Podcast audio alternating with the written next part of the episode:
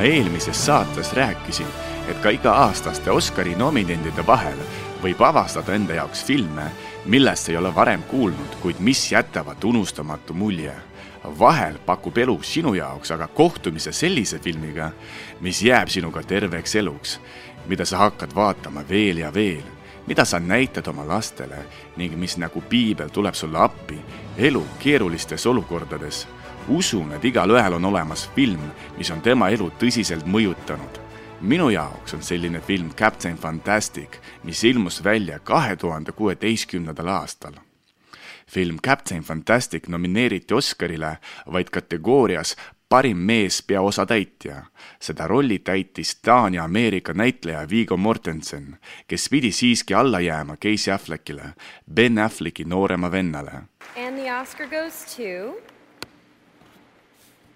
Casey Affleck, Manchester by the Sea. ma ise arvan, et Oscari oleks tookord pidanud saama Ryan Gosling, kes mängis kinomuusikalis La La Land, aga on, mis on. kuid just tänu sellele nominatsioonile saingi tuttavaks filmiga Captain Fantastic hiljem olen ma mõelnud, kui sellisel filmil on vaid üks nominatsioon, siis kui palju häid filme läksid minust mööda, kuna nad ei olnud nomineeritud üheski kategoorias.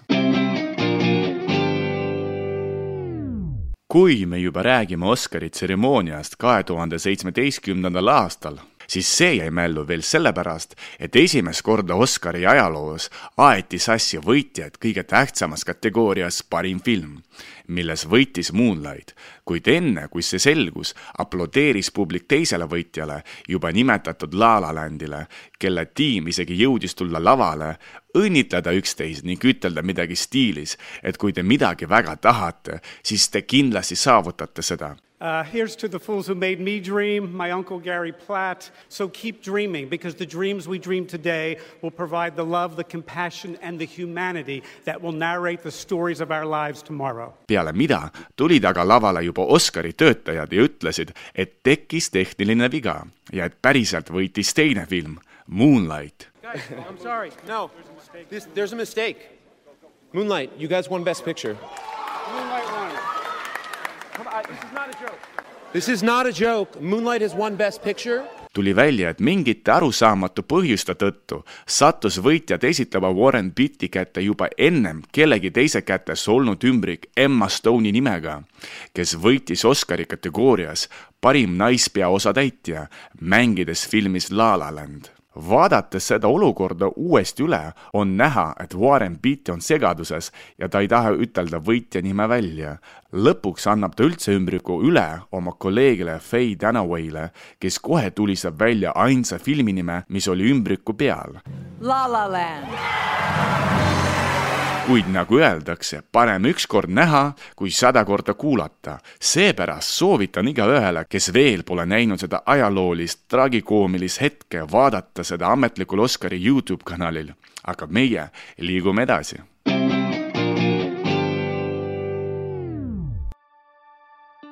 kui te küsite mult, millest on kahe sõnaga kokkuvõttes film Captain Fantastic, siis ma vastan, et eelkõige on see film alternatiivsest suhtumisest meie ühiskonna põhiväärtustesse, sellest, kuidas saab elada teisiti, kuidas kasvatada lapsi, kuidas mõista loodust kuidas võtta vastu lähedase inimese surma ja et matused ei ole alati pisarad, viin ja kiluvõileivad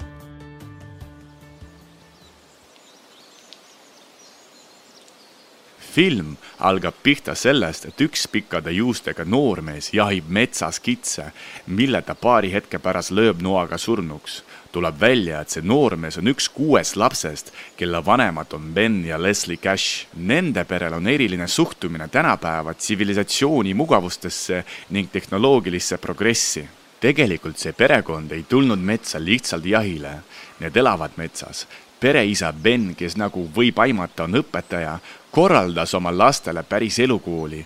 ta õpetab neid, kuidas ehitada maju puude otsa, kuidas kasutada nuga ja võidelda sellega, kuidas süüdata tuld, kuidas õigesti rappida tapetud looma keha. ta õpetab neile isegi mägironimist Neil ei ole telefone, kuid on raamatud ja õpikud. Nad õpivad tundma maailma ilukirjandust, kvantmehaanikat ja mängivad muusikainstrumentidel. kõikide nende ainetega nad tutvuvad palju varem kui tavalistes koolides. igal õhtul kontrollib isa oma laste kodutööd, peale mida nad laulavad ja musitseerivad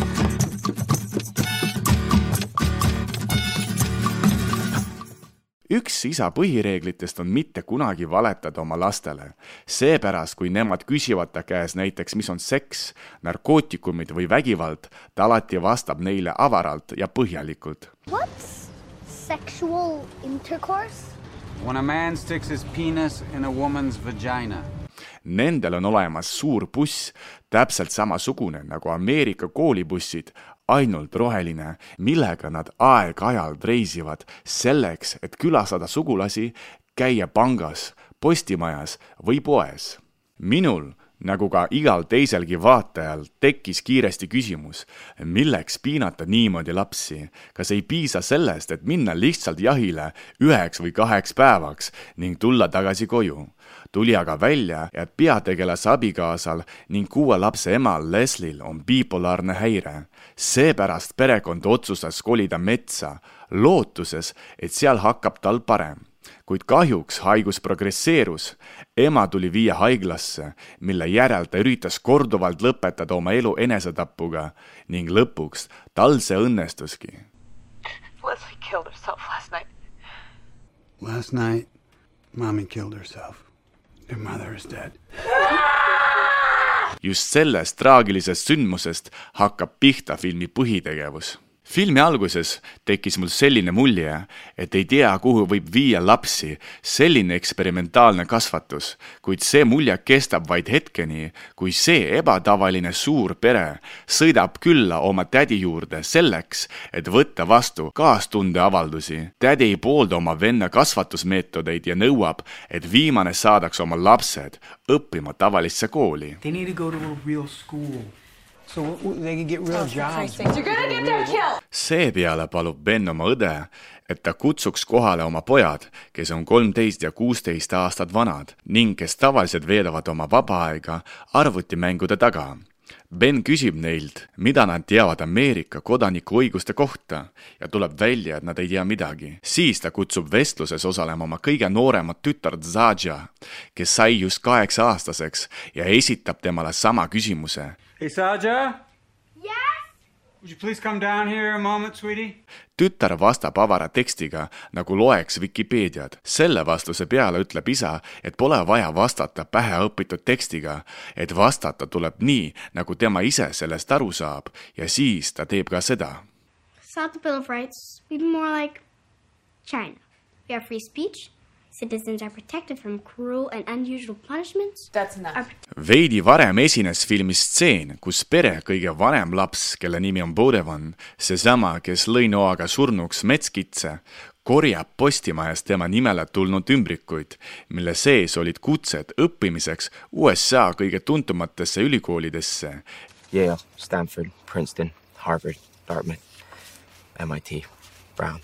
Nendes kirjades väitakse, et igal sellisel ülikoolil oleks suur au, kui tema astuks sisse just nende ülikooli. lisaks, kui teile tundub, et nimetatud laste nimed on natuke imelikud, siis nii ongi.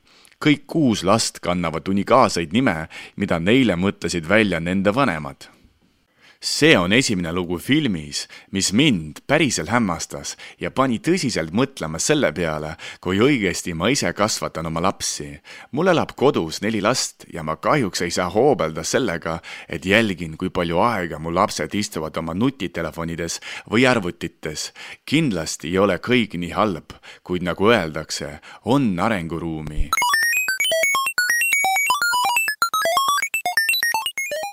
on teaduslikult tõestatud, et meie aju töötab kolmes erinevas režiimis. esimene režiim vastutab informatsiooni tarbimise ja töötlemise eest.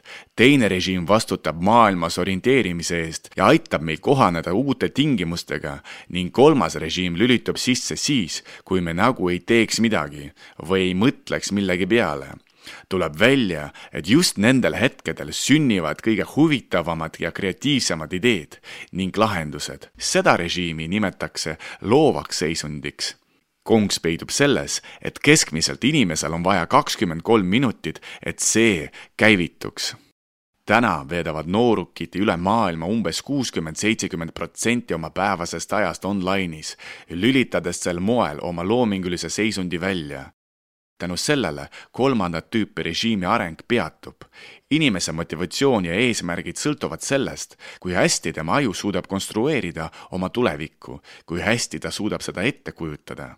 kui meie loominguline režiim ei tööta, siis inimene hakkab kaotama oskust tulevikku vaadata, seda ette kujutada ja seetõttu ta kaotab oskust ennast motiveerida teiste sõnadega, mida rohkem meie lapsed ja me ise istume oma telefonides, seda vähem me üldse mõtleme tuleviku peale, seda vähem koostame plaane, püstitame eesmärke või lihtsalt unistame. Ja seda suurem on tõenäosus, et meie lapsed kasvavad üles ei tea kellena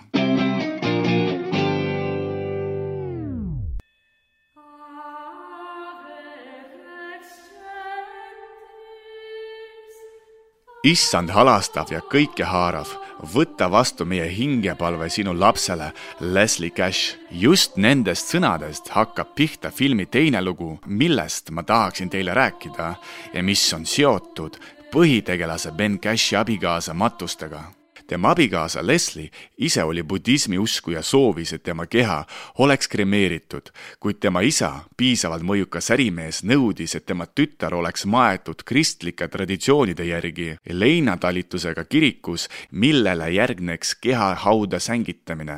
Peab ütlema, et ka Leslie isa ei pooldanud oma tütre abikaasa kasvatusmeetodeid ja seetõttu olid nende suhted päris halvad alguses otsustas Ben matuseid ignoreerida, kuid peale jätkuvaid palveid laste poolt otsustas ta, et nad siiski külastavad oma ema viimast korda. jõudes kohale, hakkab pihta üks huvitavamatest ja samal ajal üks sügavamatest filmistseenidest. I did not know Leslie personally and I am poorer for it.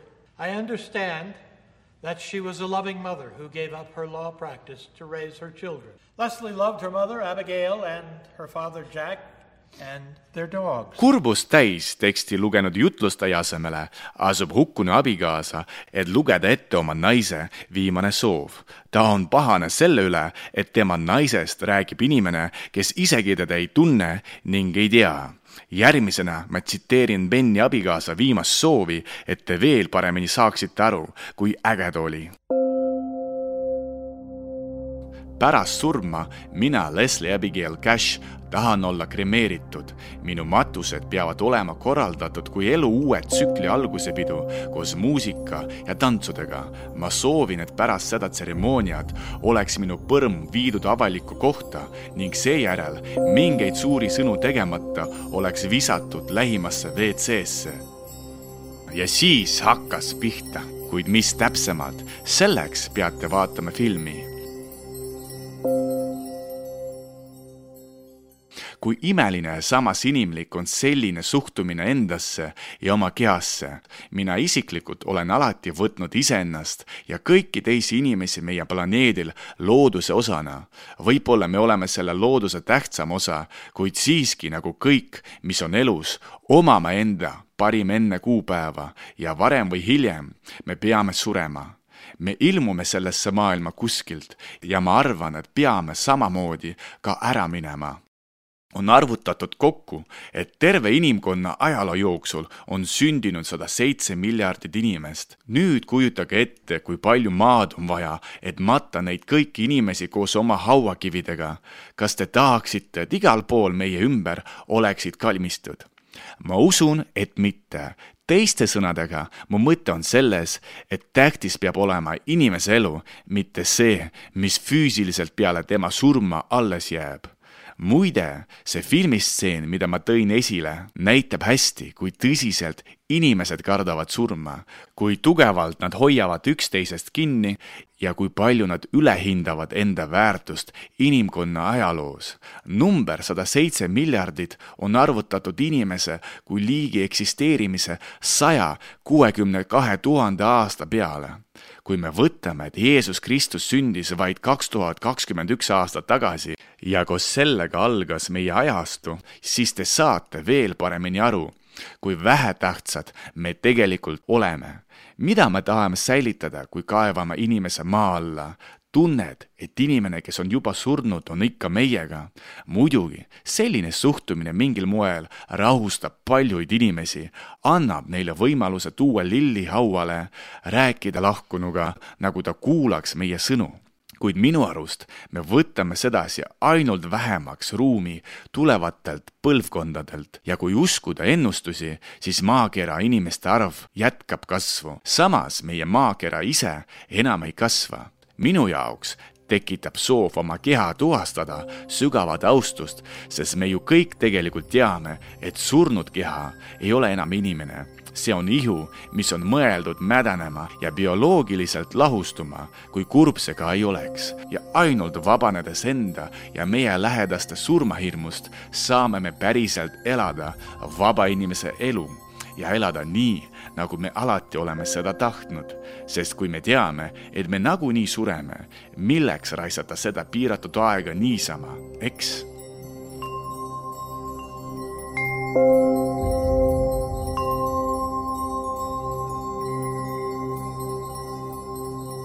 Film Captain Fantastic tegeleb võib-olla kõige tähtsama faktiga, faktiga, et kõik me oleme surelikud ja samas ta kutsub meid muutma meie suhtumist surma. ta näitab meile, et surma pole vaja karta, sest ta on nagunii paratamatu ja et inimest võib saada viimasele teele rõõmuga ja näitab ka väga hästi, kuidas see võib olla. muidugi selle uskumatu filmi režissöör ja stsenaariumi autor Matt Ross ei oleks suutnud teha päris meistriteost, kui ta ei oleks lisanud sellele loole draamat tuli välja, et Ben Cashi leidlikel kasvatusmeetoditel on ka päris tõsised miinused. kõige mitmekülgsuse juures puudus õppemetoodikast üks päris tähtis element, sotsialiseerimine kõik tema kuus last said hästi omavahel läbi, kuid neil tekkisid probleemid uute suhete loomisega. näiteks kõige vanem poeg Bodevan küsib esimesel kohtumisel neiuga, kes temale väga meeldis, kas ta oleks nõus temaga abielluma. Claire McCune, will you be my wife? samuti ei suutnud keegi lastest rääkida oma eakaaslastega sarnastel teemadel, sest nad ei ole kunagi mänginud arvutimänge, ei ole vaadanud multikaid või surfanud internetis. Nad isegi ei tea, mis on Nike ja Adidas. They're, they're like Adidas. Who's Adidas? You serious?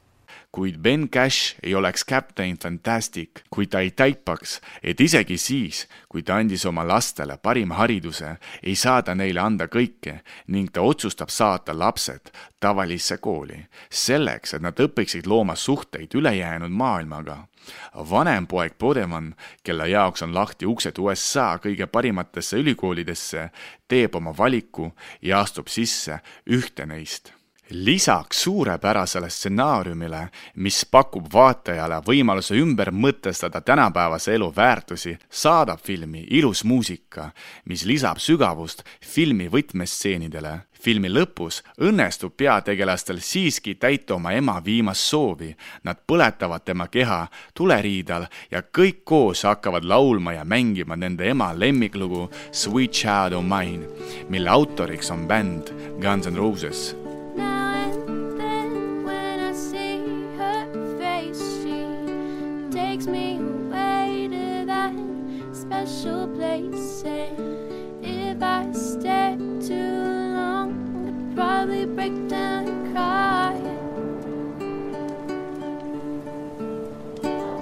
minu jaoks on see lugu ka üks lemmikutest ja seetõttu on antud stseen hindamatu.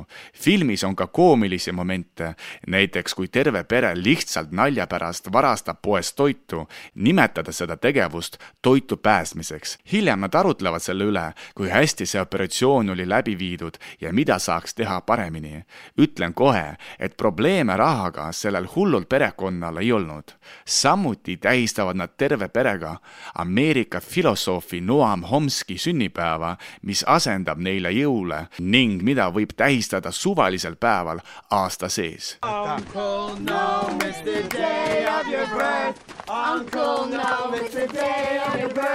Uncle, no, it's the day of your birth.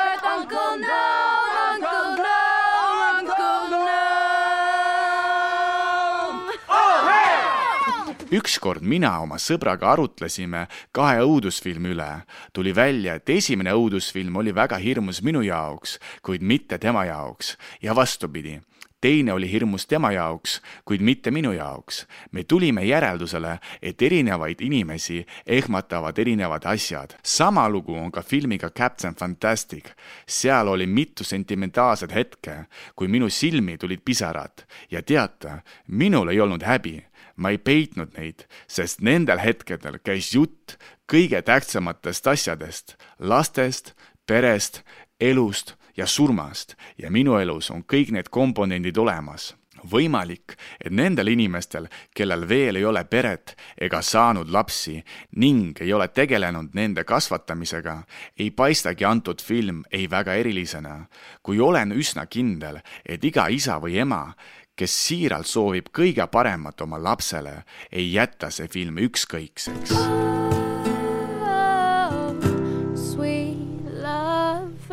see oli saade Tähtsad filmid. Saadet tegi Georgi Abalõmov, Levila kaks tuhat kakskümmend üks. mu ei papa.